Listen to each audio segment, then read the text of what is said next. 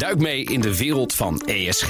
Dit seizoen verkennen we hoe bedrijven hun strategieën rond duurzaamheid vormgeven. Ontdek de nieuwste innovaties in energietransitie en de impact van waterstof. Wie zijn de ware koplopers in duurzaamheid? Ik ben Donatello Piras, presentator en samen met Roetoei brengen we koplopers in ESG. Elke maandag om 2 uur te horen op BNR Nieuwsradio. Dit programma wordt mede mogelijk gemaakt door Missie H2. Samen maken we Nederland het waterstofland in 2030.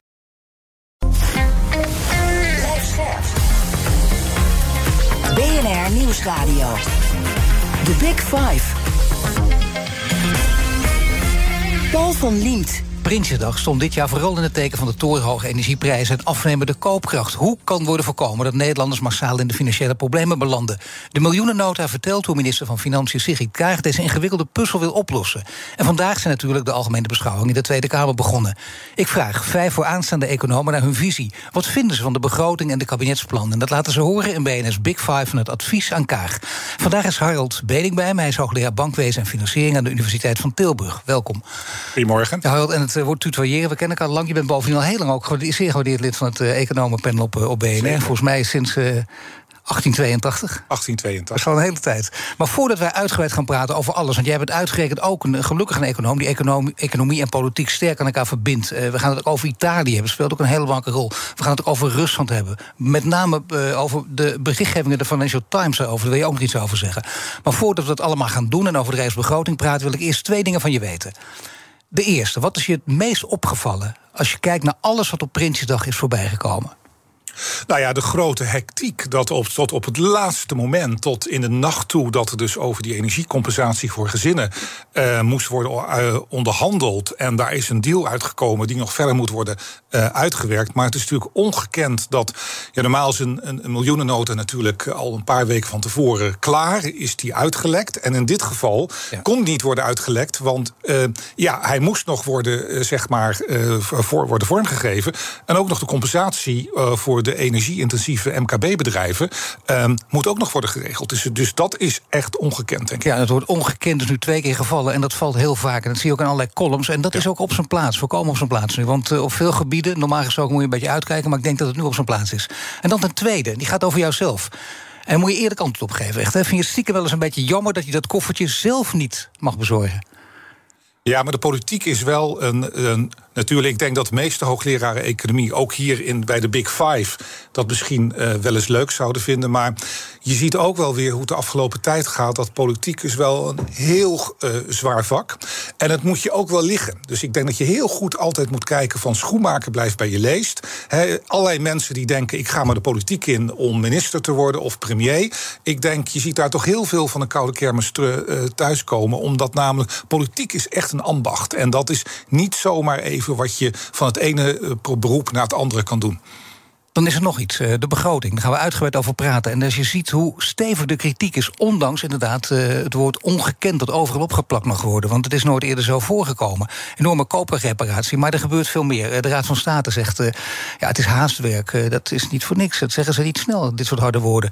Het Centraal Planbureau zegt, we kunnen hier geen chocola van maken. Van dit snel in elkaar geharkte begrotingje. Om het even denigrerend uit te drukken. Nou, dat alles bij elkaar is een hele stevige kritiek. Toch moest er wat gebeuren. En er was nog iets. De Europese Commissie speelde in dit verhaal ook nog een rol. Misschien dat je dat kan toelichten. Nou ja, wat me heel erg opvalt, dat natuurlijk al maanden deze discussie over die energiecompensatie voor gezinnen eigenlijk aan de, aan de gang is. Je ziet dat een aantal politieke partijen, maar ook de energiebedrijven zelf hebben gewezen op het feit al voor de zomer dat dit, als dit gewoon die energieprijzen blijven doorstijgen, dat gewoon een miljoen gezinnen in acute financiële nood kan komen. komen. zelf met een plan, um, bijvoorbeeld uh, topman ja. als Tempelman ze dan nog in Nieuwsuur. Ja, en wat mij dus heel erg in deze discussie opviel, ik zat op uh, vandaag zes weken geleden op 10 augustus zat ik s'avonds naar Nieuwsuur te kijken.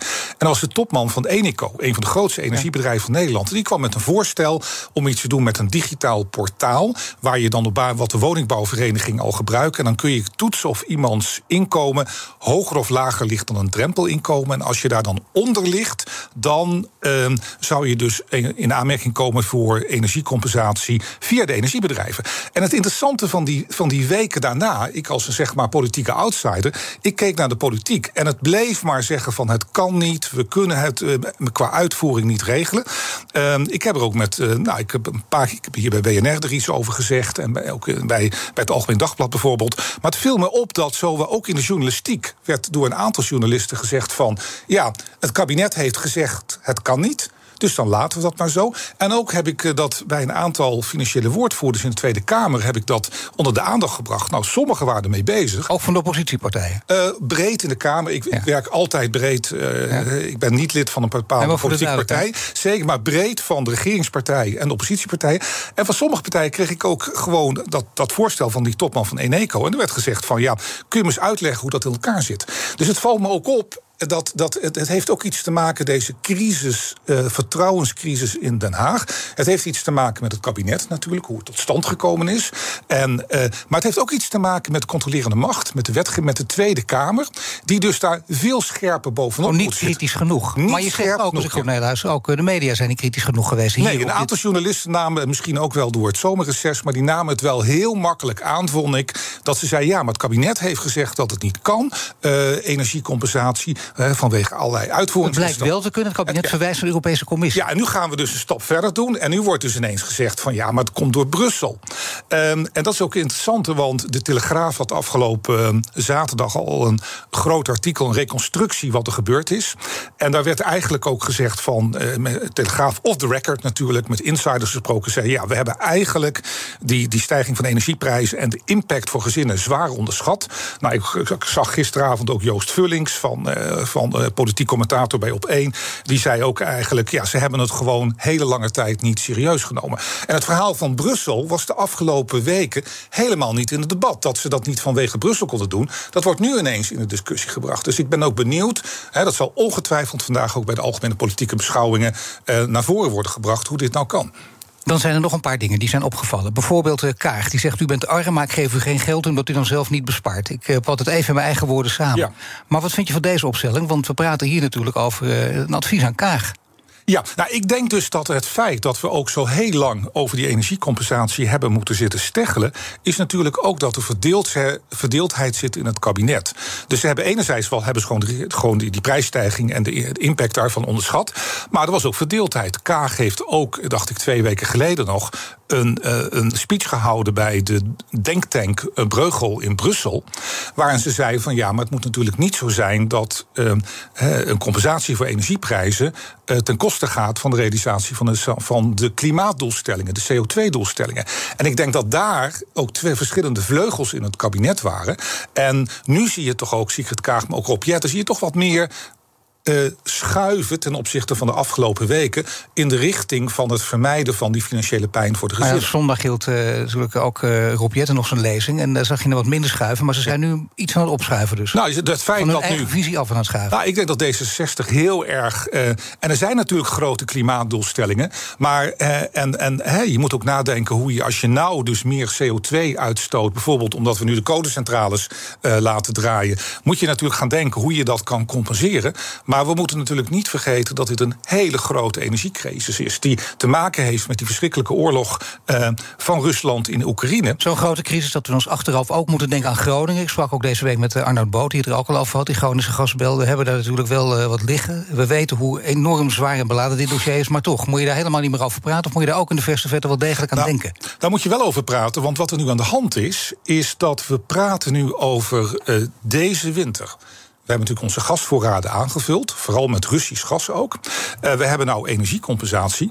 Maar de echte winter, is de winter, was de moeilijkste winter, wordt waarschijnlijk de winter niet van dit jaar, maar van volgend jaar, 2023. Diederik Samson, de kabinetschef van uh, Frans Timmermans bij de, in Brussel, wees erop. Hij zegt: Ja, want we gaan nou de winter in. Dadelijk zijn, nou, dan hebben we een winter, dan zijn die gasvoorraden natuurlijk dadelijk weer vrijwel uitgeput. En dan moeten we komend voorjaar en zomer moeten we dat gaan aanvullen. Maar het interessante is natuurlijk, hoogstwaarschijnlijk kunnen we dat niet meer aanvullen door te kopen bij Rusland. De spanningen zijn alleen maar he, aan, verder aan het escaleren. Waar moeten we dat gas vandaan halen? The Big Five. Paul van Liemt. Mijn gast is Harold Benink, hoogleraar bankwezen en financiering aan de Universiteit van Tilburg. Ja, waar moeten we dat gas vandaan halen? Nou, het antwoord is al gegeven, zeg het maar. Nou ja, volgende, dus, dus, dus wat je kunt verwachten in 2023, we zijn nauw bezig, hè, politiek Den Haag natuurlijk met de ultrakorte termijn. Heel belangrijk om te voorkomen dat er miljoenen huishoudens en gezinnen uh, acuut in de financiële problemen komen. Maar volgend jaar moeten we dat gas gaan inkopen uh, opnieuw. En dat kunnen we waarschijnlijk niet vanuit Rusland meer krijgen. Nou, dan kunnen er twee dingen gebeuren. Dan zul je ten eerste zul je krijgen weer enorme druk op de prijzen naar boven. dus dan, want als, dat is enorm schaars goed. En we kunnen, maar hoe moeten we dat gaan importeren? Via uh, LNG? Uh, hoe moeten we, nou, ik denk dat die infrastructuur daar re relatief beperkt voor is. Dan hebben we natuurlijk dat Groningse aardgasveld. En daar is een hele interessante politieke discussie over. Want de verantwoordelijk staatssecretaris Hans Velbrief... die zegt steeds, dames en heren... ik hoor dat verhaal van als we Gronings gas op de markt brengen... dat dan de prijzen naar beneden gaan. En nou, daar heeft hij gelijk in. Dat zal niet direct leiden tot grote prijsdruk. Maar wat het natuurlijk wel is... het is natuurlijk wel gas, een gasvoorraad die in handen is van de Staten Nederlanden. En de Staten Nederlanden zou dat natuurlijk aan de gezinnen in Nederland... tegen een bepaalde lagere prijs kunnen leveren. want het is ons eigendom. Dus ik vind dat dat element.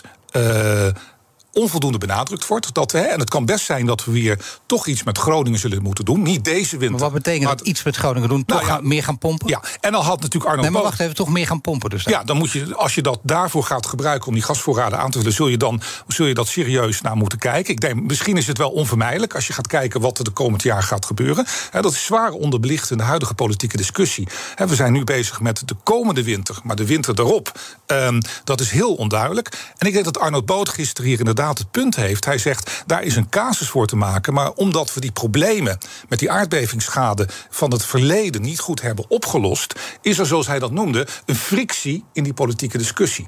Dus er is des te meer een reden om dat nu royaal en snel te gaan oplossen, dat we dan voor het geval dat we dat echt in de klem, in de, in de knel komen zitten volgend jaar, dat we wel op een op een makkelijkere manier, politiek ook, uh, uh, toegang krijgen tot die Gronings aardgas. We hebben het over oplossen voor de huishoudens, hè, maar het gaat ook over het, het MKB. Er wordt een fonds opgetuigd, het, het, gaat ook over de grote bedrijven. Zeker. Laten we naar het MKB-fonds kijken, want uh, hoe ja. zou dat er ideaal gesproken uit moeten zien?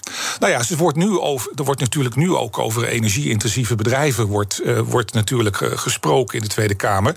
Hè, het zou natuurlijk ook heel raar zijn dat, ehm, dat bakkerijen en slagers, om maar wat te noemen, zou dat die nou massaal failliet gaan omdat hun energierekening vervijfvoudigt.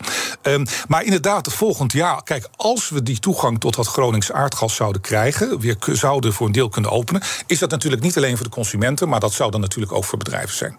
Nou goed, maar op korte termijn gaat het over dat MKB-fonds. Uh, er was wel of lang uh, over nagedacht. Uh, minister Adriaans komt dan nu met het ja. We komen daarmee aan. Ja. Maar daar heb je natuurlijk ook in gedachten over laten gaan. En hoe zou dat er ideaal gesproken uit moeten zien dan? Nou ja, ook daar zul je gewoon iets met een prijsplafond moeten doen. Want ik denk dat die, die slager, bijvoorbeeld die slagers en die, en die, die bakkers... Ja, die kunnen zich gewoon ook niet verweren.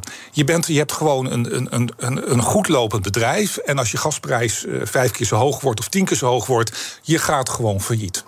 Uh, dus je zult daar ook iets met een prijs. En als je kijkt naar de grote industrie bijvoorbeeld, dan zeggen sommigen ook: kijk naar de lange en korte termijn vallen hier ook samen. Moet je dan een deel van de industrie gewoon om laten vallen? Want die staan heel mooi. Nou ja, dat wordt natuurlijk het, uh, bij die grote industrie is natuurlijk het punt wat. Um, dat daar misschien ook wel een, een aantal zullen dat gewoon kunnen dragen, omdat ze voldoende winstgevendheid hebben. Maar ik denk een van de moeilijkste gevallen is de, de glas- en tuinbouw. Um, wat je daarmee doet, omdat natuurlijk, ja, je zou ook kunnen zeggen op, uh, op termijn heeft Nederland uh, bij hogere energieprijzen hier wel een comparatief voordeel in. Hè? Want bijvoorbeeld aan tomaten kweken in Spanje, waar de zon meer schijnt, uh, is natuurlijk makkelijker. Dus ik denk, dat politiek, ik denk dat politiek gezien de slagers en bakkers en dergelijke het MKB compenseren uh, makkelijker zal zijn dan zeg maar een aantal van de grotere bedrijven dan kunnen we ook kijken naar het buitenland. Als we de crisisaanpak in brede zin gaan bekijken. Uh, Nederland, die uitspraak uh, wordt vaak gedaan deze dagen, is een klein land. Dus heb je vanzelf ook veel buitenland. Kijk ook naar het buitenland, we kunnen heel goed vergelijken. Sommigen zeggen dat moet je niet doen, anderen zeggen juist wel, dat moet je wel doen. Jij behoort volgens mij tot degene die zeggen, kijk alsjeblieft wel, want daar kunnen we ook van leren. Wat valt op in die vergelijking? Nou, wat me opvalt is dat inderdaad landen bijvoorbeeld zoals Frankrijk en Duitsland veel eerder al energie, zeg maar breedschalige energiecompensatie hadden aangekondigd. Ook prijsplafonds. Daarom is het verhaal wat nu in Den Haag rondgaat... ja, we konden het niet doen vanwege Brussel, niet echt geloofwaardig. Nee, maar daar moet, zou je dus, kritiek op verwachten van alle kanten. Omdat je inderdaad niet geloofwaardig, wat gek eigenlijk, want daar kun je naar verwijzen. Ja, ja, dat is dus dat is één. En wat, nee, kijk, en wat ik al zei, kijk, het heeft ook iets te maken met die verdeeldheid in het kabinet. Op, hè, er zijn verschillende vleugels in het kabinet. En wat wij gewoon misschien in Nederland eens moeten leren. Kijk, als er gewoon grote verdeeldheid is in het kabinet, maar ook in de Tweede Kamer, dan is misschien een van de belangrijkste kernwoorden wel benchmarken. Ga nou gewoon eens kijken hoe het in, in, in, ons, in België, Duitsland en Frankrijk gaat. Benchmarken in goed uh, Nederlands? Ja, benchmarken betekent gewoon een referentiekader. Hoe doen ze het daar? Want waarom is dat van belang?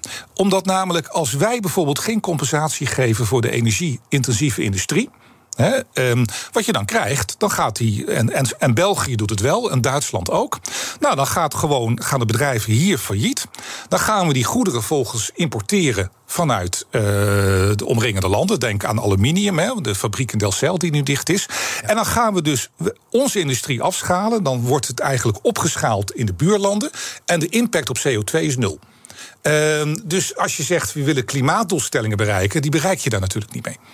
Dan moeten we ook kijken naar de overheidsfinanciën. Daar wordt ook heel vaak over gesproken. Eh, er wordt vooruitgekeken naar volgend jaar. De, de schuld in Nederland, de overheidsschuld zal zijn 48,8 procent. Dat wordt redelijk achter de komma uh, nauwgezet weergegeven. Dan heb je, laten we zeggen, Brussel zegt 60 procent. Uh, tot zover kan het. Dan heb je trouwens ook nog Italië. Zit op 150 ongeveer, geloof ik. Frankrijk op 115. Ja. Wat betekent dat? Kunnen we gewoon nog een tijdje doorgaan met uitgeven? Nou ja, kijk, die in Nederland en die 48,8 procent... die zal waarschijnlijk hoger worden. Want het pakket wat nu aangekondigd is van het prijsplafond... Hè, 10, 15 miljard dan. Hè. Waar kom je dan ongeveer op uit? Uh, nou ja, dan, dan, ga je waarschijnlijk door die, door die, door die 50%-grens uh, heen. Maar dat is dus binnen de Europese kaders natuurlijk heel laag. Dat mag nog wel bij dus. Ja. En wat me opvalt in discussie ook een aantal uh, de afgelopen weken van Sigrid Kaag, de minister van Financiën. Het gaat dan over het doorschuiven van lasten naar toekomstige generaties. Ja. Maar het viel me ook op bij, bij afgelopen maandag toen Lex Hoogtuin hier zat. Ook een heel gewaardeerde collega die ik goed ken. En het valt me op dat, hè, die, heeft het die maakt zich daar ook grote zorgen over. Maar ik denk dat je hier toch het onderscheid moet maken tussen eenmalige uitgaven en structurele uitgaven. Kijk, wat, je, wat ze nou doen met het minimum, bijvoorbeeld met de AOW verhogen, dat zijn structurele uitgaven. Eenmalige compensatie. Uh, voor een energienota hè, en daarmee eenmalig een hoger begrotingstekort, is denk ik gewoon voor Nederland heel goed te doen. Als het bij eenmalig blijft, ja. daar maakt juist Lex Hoogda ja. zo ja. zorgen over. Dat hij denkt, we zien het wel vaak, maar, of uh, dat, dat permanent en tijdelijk door elkaar lopen. Ik denk ook wat gisteren Arnold Boot zei, van we moeten dat gewoon kunnen dragen. Hè, maar we moeten het wel eenmalig zijn.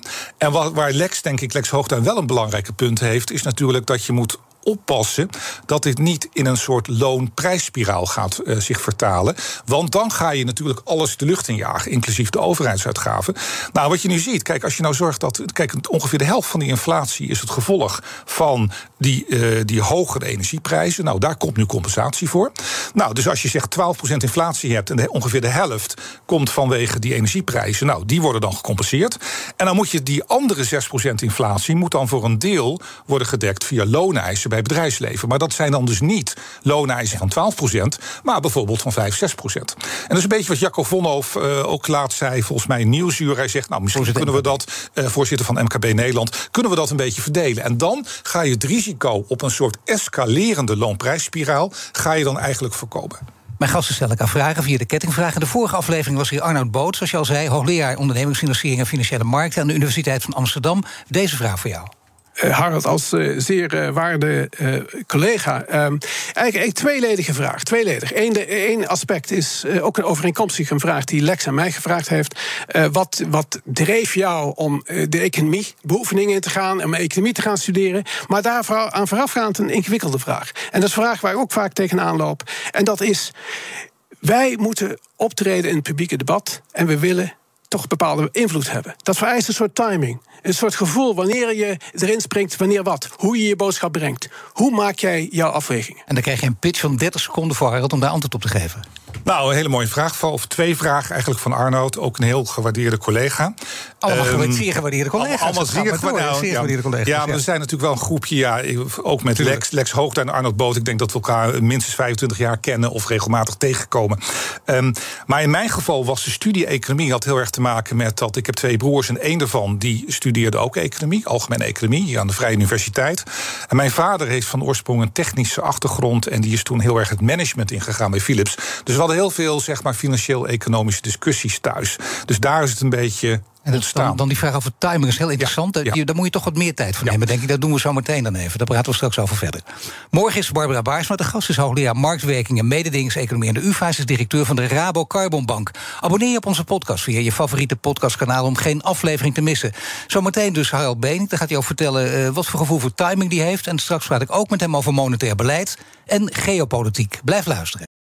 Duik mee in de wereld van ESG. Dit seizoen verkennen we hoe bedrijven hun strategieën rond duurzaamheid vormgeven. Ontdek de nieuwste innovaties in energietransitie en de impact van waterstof. Wie zijn de ware koplopers in duurzaamheid? Ik ben Donatello Piras, presentator en samen met Roet Oei brengen we koplopers in ESG. Elke maandag om 2 uur te horen op BNR Nieuwsradio. Dit programma wordt mede mogelijk gemaakt door Missie H2. Samen maken we Nederland het waterstofland in 2030.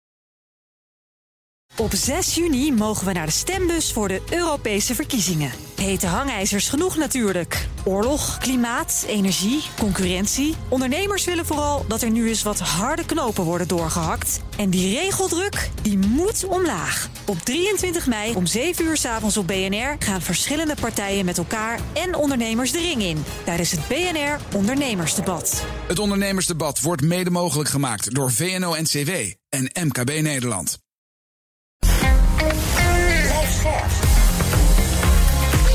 BNR Nieuwsradio. The Big Five.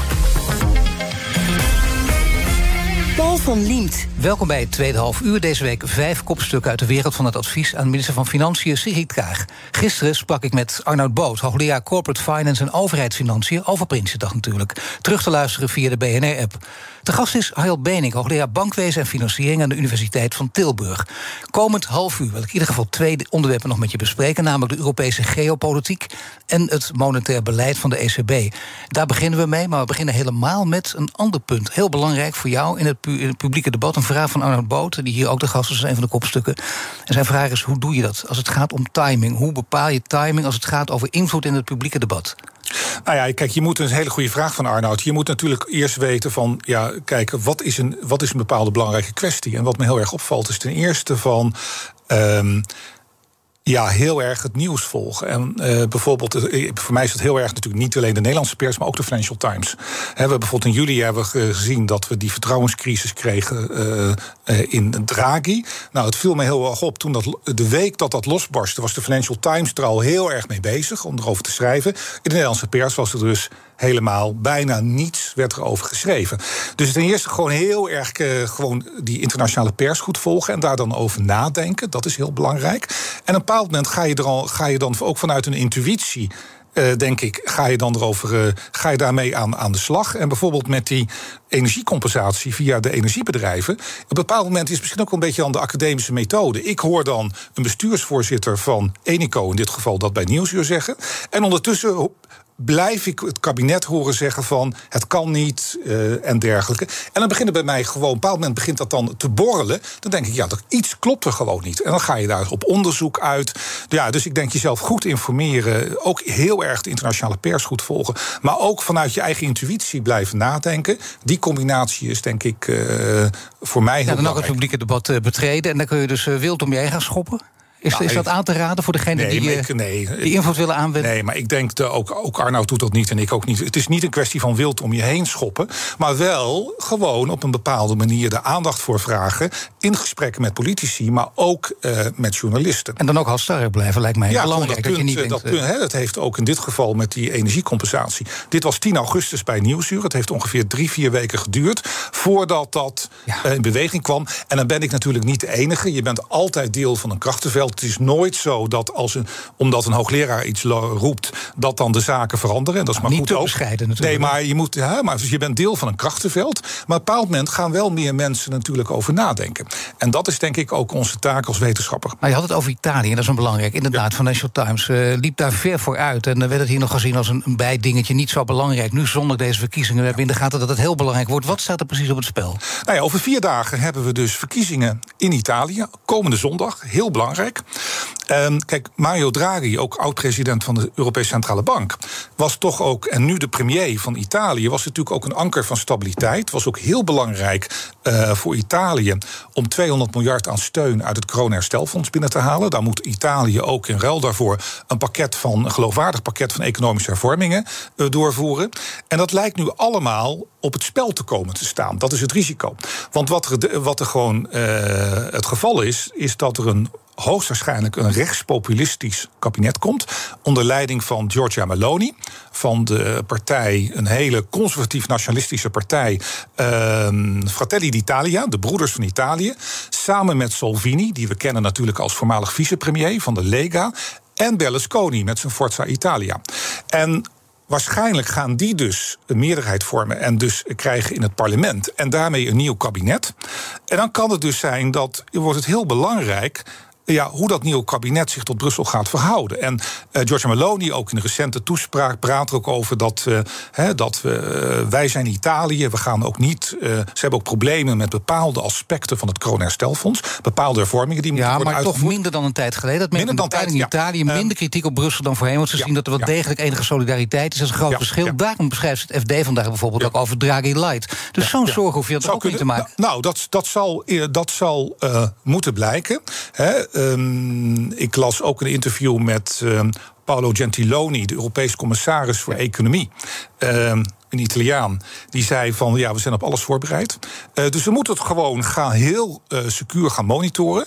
Maar op het moment dat de financiële markten eh, bijvoorbeeld dan, als er toch eh geharrewar ontstaat tussen de nieuwe Italiaanse regering en Brussel en de ECB en Frankfurt, dan heb je grote eh, risico op een vertrouwenscrisis. Maar op met name met markten. Salvini natuurlijk, hè, zijn banden ook met Poetin. Je ziet Ja, ook, dat is ja. geweldig natuurlijk, bijna zeggen foto's dan inderdaad meer dan duizend woorden. En dan zie je ook hoe, ze, hoe, hoe Meloni verschrikt kijkt als hij daar weer die steun uitspreekt. Ja, en Meloni zal meer vanuit die nationalistische traditie. Van, ze openen ook een speech van: Ik ben Georgia, ik ben vrouw, ik ben Italiaan. Ehm, eh, Salvini is het verhaal natuurlijk met Poetin en Rusland. Nou, we zien nu die escalatie eh, met Rusland, mobilisatie eh, van 300.000 eh, eh, reservisten vandaag aangekondigd. Dus dat wordt heel belangrijk. Kan Europa daar zijn eenheid houden op buitenlands politiek gebied, maar ook op economisch gebied. Dus ehm, ik wil hier niet de doemdenker zijn, maar we moeten hier, het wordt erg serieus genomen. Er wordt het niet voor niets, heeft ook de, Italia, de Europese Centrale Bank in de zomer een nieuw opkoopprogramma voor staatsschuld gecre- gecreëerd. Hè, transmissieprotectie-instrument.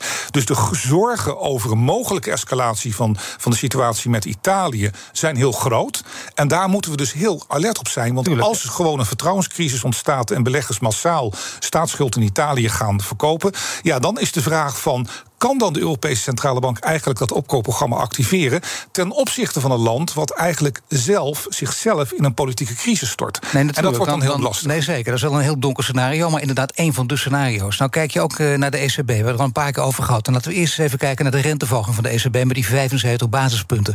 Heel weinig. Andere economen deze week zeggen dat ook. En met name Lex Hoogduin, dat, dat moet en kan veel hoger. Ben je er ook voorstander van? Nou, ik denk je ook als je kijkt naar wat in het Verenigd Koninkrijk en de Verenigde Staten is gebeurd door de centrale banken. Dat we, we zijn er nog niet, hè, dat is heel duidelijk. En we zijn natuurlijk wel met van eh, 50 basispunten omhoog, eh, 75 basispunten omhoog. Nou, Lex Hoogduin pleit ook nog voor een paar eh, duidelijke stappen, aangekondigde stappen voor de rest van het jaar. 2% is Na een no-brainer, ja, zei hij zelfs. Ja, ja, en dat is natuurlijk met een inflatie van in het eurogebied van rond de 19 procent, is het nog, natuurlijk nog steeds negatieve reële rente, dus een expansief monetair beleid. Ehm, dus daar kan ik me wel wat eh, bij voorstellen. Maar we moeten natuurlijk wel kijken. We hebben natuurlijk die, hoe meer die rente omhoog jagen. eh, we hebben natuurlijk een probleem met hoge staatsschuld in de eurozone. Dat is niet alleen Italië met die 150% van het nationaal inkomen. Maar natuurlijk ook landen als Frankrijk en Spanje. En, ehm, en omdat we nog, nog steeds niet die fiscale poot van de eurozone. Hè, dus dat we gezamenlijk risico's delen op een of andere manier op staatsschuld. Dat hebben we nog steeds niet goed uitgewerkt. Hè. Dat was natuurlijk ook de hot potato bij het verdrag van Maastricht. Dat is toen niet gebeurd. En we hebben nou een corona-herstelfonds opgericht, wat dan gefinancierd wordt ehm, via uh, obligaties door de Europese Unie. Maar wacht even, het is, niet voor, niets, het is niet voor niets een hete aardappel natuurlijk. Want het heeft ook met verschillende waarden te maken, met hoe je daar naar kijkt. Dat blijft de eeuwige discussie. Welke kant zou het voor jou dan ideaal op Nou, uh, idealiter zou ik zeggen van waar we naartoe moeten, is dus eigenlijk de lijn doorzetten die we met corona-herstelfonds hebben gedaan. Dus 750 miljard uh, wordt er dan gefinancierd uh, met Europese obligaties. Dat zou je ook kunnen doortrekken naar een aantal van onze ambities. Dus nieuwe pan-Europese investeringsfondsen klimaat, op het gebied van klimaat, digitalisering. Uh, waarom, misschien zelfs defensie. Ehm, waarom is dat zo van belang? Want kijk, als we zeggen van ja, uh, landen als Italië moeten ook die uh, klimaatambities, daar moeten ze aan deelnemen. Maar ze hebben al zo'n hoge staatsschuld. Dus als Italië nu fors gaat lenen om die klimaatambities te lanceren, gaan we de kans op een, nieuw, op een grote crisis in het eurosysteem nog verder vergroten. En we hebben hier ook pan-Europees een belang bij, ook in Duitsland en Nederland. Want al, kijk, het kan wel zo mooi. Het kan zijn dat wij onze CO2-reductieambities gaan realiseren. Maar als landen als Spanje en Italië en, uh, dat niet kunnen omdat ze een te hoge staatsschuld hebben, ja, dan schiet het natuurlijk niet op met, met de CO2-reductie. Nee, dus dan heb je met Italië voor de duidelijkheid nog even over het derde land in Europa. Heel belangrijke speler, dus elke keer ja. daarom zondag heel erg belangrijk. Maar het gaat dus om fiscaal, het gaat dus om risicodeling op fiscaal niveau. Um, in de eurozone. Nee, dat je niet blijft van uh, federaal Europa, voor nee, degene die jouw verkeerd zouden nee, verstaan. Het is geen federaal Europa. Het zijn ook niet eurobonds, want eurobonds is dat je bestaande nationale schuld van landen met elkaar gaat bundelen. Nee, het, de, daar moeten we gewoon een oplossing. Hè, daar moeten landen ook uh, economische groei stimuleren, langzaam maar zeker die schuldratio's naar beneden brengen. Er komt ook een nieuw uh, notitie over Europees begrotingsbeleid van de Europese Commissie. Geen eurobonds, omdat je niet geen, alles gaat financieren voor Zuid-Europa, eventjes plat gezegd. Ja, maar hoe zou, je, hoe zou je het omschrijven? Is er, is er één term voor dan? Misschien een nieuw nou? Dit zijn, dit zijn, net zoals corona-herstelfonds, dit zijn dus pan-Europese investeringsfondsen met concrete Europese ambities zoals klimaat en digitalisering. Je hebt het over de schulden. We hebben een paar keer over de schulden gehad van Frankrijk, van Italië, van Nederland. Die verschillen enorm van elkaar. De schuldenweg op aarde in totaal bedraagt overigens 300 biljoen dollar. Ja. Uh, wat doen deze renteverhogingen nou meer dan een decennium aan enorm lage rentes? Wat doen die met die schuldenberg? Nou, dat betekent dat dus die, uh, dat die, dat die kwetsbaarheid, die fragiliteit van het wereldwijde financiële systeem alleen maar zal toenemen. En we hadden natuurlijk al, als je kijkt naar de wereldwijde schuldratio's, dus als je de schulden optelt van gezinnen en bedrijven en overheden door, en deelt door het wereldwijd nationaal inkomen, was het toen bij de bankencrisis in 2008 was het ongeveer 260 procent. Nou, dan denk je dat was een schuldencrisis, hè, de kredietcrisis. Nou, wat is er sindsdien gebeurd? Mede door lage rentes is die schuldratio gestegen naar boven de 300 procent. En, en toen met de coronaschok zijn we nog meer gaan lenen. Nu zitten we rond de 350 procent. Nou, dus dat is heel kwetsbaar, zeker op het moment als je de rente te veel gaat verhogen. Duik mee in de wereld van ESG. Dit seizoen verkennen we hoe bedrijven hun strategieën rond duurzaamheid vormgeven. Ontdek de nieuwste innovaties in energietransitie en de impact van waterstof. Wie zijn de ware koplopers in duurzaamheid? Ik ben Donatello Piras, presentator en samen met Roetoei brengen we koplopers in ESG. Elke maandag om 2 uur te horen op BNR Nieuwsradio. Dit programma wordt mede mogelijk gemaakt door Missie H2. Samen maken we Nederland het waterstofland in 2030.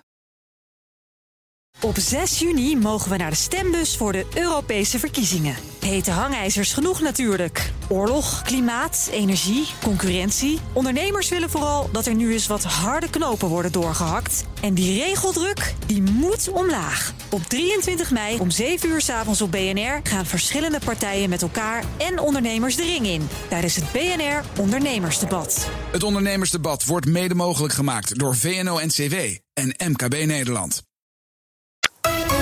BNR Nieuwsradio. The Big Five. Paul van Liemt.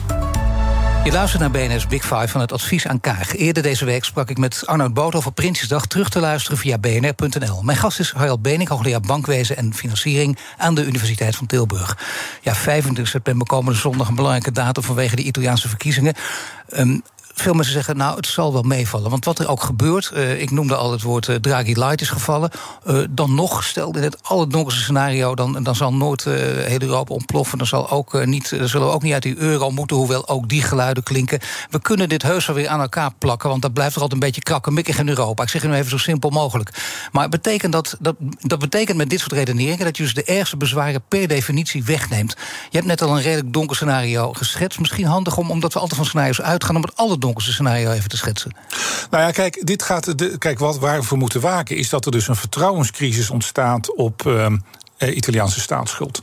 Dus op het moment dat, dat, dat er gewoon een soort uh, gespannen situatie ontstaat tussen Brussel en Rome, hè, tussen de Italiaanse regering en de Europese Commissie, uh, dan kan het zijn dat, dat beleggers dan vertrouwen verliezen. Nou, dat uitzicht dan in de verkoop van uh, staatsobligaties en het oplopen van de rente. Dat is die befaamde risicopremie, hè, die dan ten opzichte van Duitsland, die, hè, dat is nu ja. ongeveer 200, 230 basispunten, maar dat zou dan verder oplopen. En dan op het moment, dan, dan kan je dus een soort self-fulfilling prophecy krijgen, dat dan nog meer beleggers eigenlijk een, het vertrouwen verliezen en dat dan die rente nog verder gaat oplopen. En dan kun je een situatie krijgen zoals in 2012, toen Mario Draghi als whatever president it takes, kon whatever hij it takes kan doen. Alleen dat kon hij toen doen, omdat dat toen heel weinig geformaliseerd is. Nu noemen we dat met een duur woord OMT, Outright Monetary Transactions, dat de ECB van die, obligaties van een land kan opkopen als er een soort hervormingspakket zit. Maar als Italië, als nou juist het, de strijd gaat om de aard van de hervormingen, in welke mate Italië dat wil doen, is er dus een groot probleem. En dan uh, kan je dus in een soort vertrouwenscrisis komen. Dat gaat dan ook de banken raken, want Italiaanse banken hebben toch nog heel veel belegd in Italiaanse staatsobligaties. We weten uit vorige crisis, ook met Banca Monte, Monte Pasca di Siena, dat als Italiaanse banken de aandelenkoersen onderuit gaan, dan worden ook de aandelenkoersen van grootbanken in Europa, in de andere Europese landen geraakt, zoals Deutsche Bank, ING, BNP Paribas. Die komen allemaal en voordat je weet, kom je, krijg je een soort systeemevent, een soort systeemrisico. En dan moet het dus worden ingegrepen, maar dat zou natuurlijk ten eerste is het lastig als je een regering hebt. In stel dat dat het geval zijn, hè, dat de Italiaanse regering wij, toch niet een Draghi light blijft blijkt te zijn, maar toch anders in het spel zit. En dan zou het natuurlijk ook heel zuur kunnen zijn op het moment dat er bijvoorbeeld vanuit Brussel een reddingspakket of vanuit het Europese noodfonds, het ESM in Luxemburg, een noodpakket zou moeten worden gemaakt voor Italië. In tijden dat we in Nederland bijvoorbeeld ook steggelen over energiecompensatie voor het MKB, dat is natuurlijk politiek, zou dat buitengewoon lastig uit te leggen. Natuurlijk, en uh, je zegt wel, het is een heel andere tijd dan 2012. Dat betekent dat Lagarde ook geen mogelijkheden... Lagarde heeft ook geen mogelijkheden, ECB-president... om uh, whatever it takes te roepen. Nou ja, ze hebben nou dat, dat, dat, dat, dat nieuwe instrument... dat, dat, dat transmissie-protectie-instrument... dat minder ver gaat dan OMT... omdat landen daar geen uh, zeg maar deal hoeven te sluiten... met het Europese noodfonds. Ik ben zelf voorzitter van de Europese groep van hoogleraren... het Europese schaduwcomité. We hebben juist in juni gepleit om dat wel te doen. Om een soort anker te geven. Uh, dat als er een nieuwe Italiaanse regering zou komen. dat ze toch een beetje wat meer verankerd zijn. Interessant, in het Shadow-comité, daar, ja. daar zit je heel dicht op het vuur. Want er zitten ook heel veel Italianen in. En dan ja, zie je van dichtbij hoe zij erover spreken. Dan zie je ook hoe groot hun vertrouwen is. En hoe groot is nee, vertrouwen maar, op dit moment. Dat, nee, maar ze, ze, maken zich in Italië natuurlijk uh, vanuit zeg maar, de academische en financiële elite duidelijk uh, zorgen. Um, ik had dus lief, wij hadden liever gehad dat het dus een stap verder was geweest. Maar Italië wilde zich op dat moment in juni nog niet binden aan een soort deal met het Europese noodfonds. Dus is er een ander instrument, uh, zeg maar, uh, gecreëerd.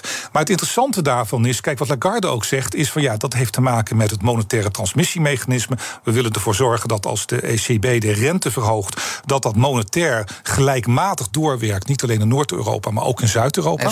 Maar, maar dat is een monetair technocratisch ja. instrument. Maar de grote vraag is de volgende als Italië zichzelf in een grote politieke crisis uh, stort, kan de ECB dan met het beroep op monetaire transmissie-instrument dan nog te hulp komen? Jij denkt van en, niet. Nou, ik denk dat daar grote discussies dan gaan Kan het uiteindelijk, als we verder gaan redeneren, zover toe, le uh, toe leiden? Wat, wat door een aantal mensen ook wordt aangemoedigd, hangt er maar net vanaf ja. hoe je in het leven staat. Dat je uiteindelijk ook van Zuid-Europa je gaat afscheiden, dat je ook stopt ja. met de euro. Nou, daar ben ik geen voorstander van. want ik denk dat de schade aan Uh, op korte termijn, dit wordt een hele grote economische financiële crisis. Denk ook aan Nederland en Duitsland. Als wij uh, als de euro uit elkaar zo spatten, dan krijgen wij een Noord-Europese euro die bijzonder sterk wordt. Die gaat enorm in waarde stijgen. Dus ook de exportpositie van Nederland komt enorm onder druk. We gaan enorme verliezen leiden op al onze beleggingen in zuidelijk Europa. Um, maar het is wel zorgwekkend. Dus we moeten er wel alert op zijn. En, en, en we hebben al, ook de politiek in Den Haag, we hebben al zoveel op ons bordje. Nou ja, goed, maar we hebben het nu eh, over Italië. ja, en interessant ja, is wel dat eh, ze zagen naar de vorige minister van Financiën. eh, Nou, die heeft zich niet bepaald populair gemaakt eh, bij de Italianen. Die gaf daar flink op af. Sigrid Kaag was ook niet blij met het opkoopprogramma voor Zuid-Europese obligaties. Wat vind je van die opstelling van die opeenvolgende Nederlandse ministers van Financiën? Nou ja, dat is heel veel. Kijk, wat er gebeurde onder Wopke Hoekstra. Hij werd ook de leider van de Hanseliga, een groep van Noord-Europese landen. die heel erg Italië de maat namen. Zuid-Europa en Italië. Dat is toen ook gebeurd bij de Corona-herstelfonds. Periode waarin het Ja. ook niet populair om mij als Nederland naar Italië Ja. te gaan op vakantie. Ja, nee, dat werd er toen ook. eh, hè, er waren ook eh, hier magazines die dat dan op de voorpagina zetten. En dat heeft zelfs La Repubblica gehaald in Italië. Hè, dus de spreekwoordelijke eh, Grieken die aan het zwembad zitten samen met de Italianen en aan de champagne en wij maar en de Duitsers maar aan, aan het werk. Kijk, dat helpt natuurlijk niet, want het gaat om grote financieel-economische belangen. En ik denk dat we gewoon heel alert op moeten zijn. En de positie van Nederland moet heel erg zijn. Dat was ook met Corona-herstelfonds. Nederland was daar tegen. Nederland was tegen de, het feit dat ongeveer de helft van dat fonds in de vorm van eh, giften zou zijn. De subsidies, die je dus niet leningen die je hoeft terug te maar je betalen. zegt, we moeten er alert op zijn. Maar als ja, ja. zegt, ik ben niet blij met het opkoopprogramma voor Zuid-Europese obligaties, wat geen citaat is, maar wel in de buurt komt, eh, moet je daar dan dat dus niet Nou, zeggen? ik, vind, ik vind dus dat het onder eh, Kaag, en dat hoor ik dus ook eh, in Europa, dat de Nederlandse positie wel verbeterd is. Nederland wordt duidelijk. ehm, ehm, positiever gepercipieerd dan onder een groep van vorige, hè, Wopke Hoekstra, maar Jan Kees de Jager en voor een deel ook Jeroen Dijsselbloem. Nederland heeft toch iets dat we heel erg in opstand zijn tegen, hè, dat, dat, eh, tegen, tegen Europese oplossingen op een of andere manier. En dat zit ook in dat, bij dat Europese corona-herstelfonds. En het was heel duidelijk dat de Fransen en de Duitsers, dus Merkel en Macron, die zeiden we gaan het op deze manier doen. Nederland was dan de leider van de, de vrekkige vier of de vrekkige vijf, hè, de Four, hè, samen met landen als Oostenrijk en, eh, en, eh, en, en Zweden. En uiteindelijk is het zo als de Frans-Duitse as gewoon zegt we gaan deze kant op in Europa. Dat is bijna het noordelijke Europa en het Latijnse Europa. Gaat het die kant op? Dus ik ben altijd veel meer een voorstander van dat Nederland probeert het spel mee te spelen. In de discussie een positieve bijdrage, zeg maar, te leveren. Dan te zeggen van we zijn tegen, want daarmee ondermijnen we onze eigen invloed. Nou, dat is in ieder geval een van de grote punten, maar er zijn er heel veel. Zo, je mag even één kiezen zonder toelichting. Waar moet Kaag zich vooral op richten nu? Komende periode? En heb ik het over de komende drie maanden? Nou ja, ik denk dat we heel erg op het nadenken over dat, eh, wat er in de eurozone gebeurt. Er komt dus een nieuw eh, een notitie van de Europese Commissie op. Nou ja, goed, maar dat Ja. is dus het Ja, enige ja. punt, want gezien de tijd heeft. Want eh, kijk, ik stel steeds die vragen, maar je weet het, hè, jij mag ook een vraag stellen. Want mijn gasten stellen elkaar vragen via de kettingvragen. Je mag een korte, bondige vraag stellen aan de volgende gast. Barbara Baarsma, hoogleraar monetair beleid en mededingingswetgeving aan de UvA... en directeur van de Rabo Carbobank. Wat is jouw vraag? Ja, Barbara, leuk dat je hier morgen zit. Ehm, ehm, ik ken je ook als iemand die al heel intensief en lang bezig is met duurzaamheid. En. ehm, wat me nu heel erg opvalt, is dat we. We, we, hebben nu allerlei crisis. Hè. We hebben de afgelopen zomer gezien. Hè, de, de grote overstroming in Pakistan. eh, de bosbranden in Californië. Nou, die verschrikkelijke oorlog in Rusland. De inval in Oekraïne leidt tot een enorme stijging van energieprijzen. Waardoor eh, we nu ook energie gaan besparen. Dus hoe zie jij nou de, het proces van verduurzaming de komende 10, 20 jaar? Zal dat gepaard moeten gaan en blijven gaan met enorme crisis? Of is er een andere manier om dit voor elkaar te brengen? Dankjewel, Harald Benink, hoogleraar bankwezen en financiering aan de Universiteit van Tilburg. En alle afleveringen van BNS Big Five zijn natuurlijk terug te luisteren. Abonneer je op onze podcast via onze app of je favoriete podcastkanaal om geen aflevering te missen. En nu Iwan van Rips met BNR Breed. Dag. Duik mee in de wereld van ESG. Dit seizoen verkennen we hoe bedrijven hun strategieën rond duurzaamheid vormgeven. Ontdek de nieuwste innovaties in energietransitie en de impact van waterstof. Wie zijn de ware koplopers in duurzaamheid? Ik ben Donatello Piras, presentator en samen met Roetoei brengen we koplopers in ESG. Elke maandag om 2 uur te horen op BNR Nieuwsradio. Dit programma wordt mede mogelijk gemaakt door Missie H2. Samen maken we Nederland het waterstofland in 2030.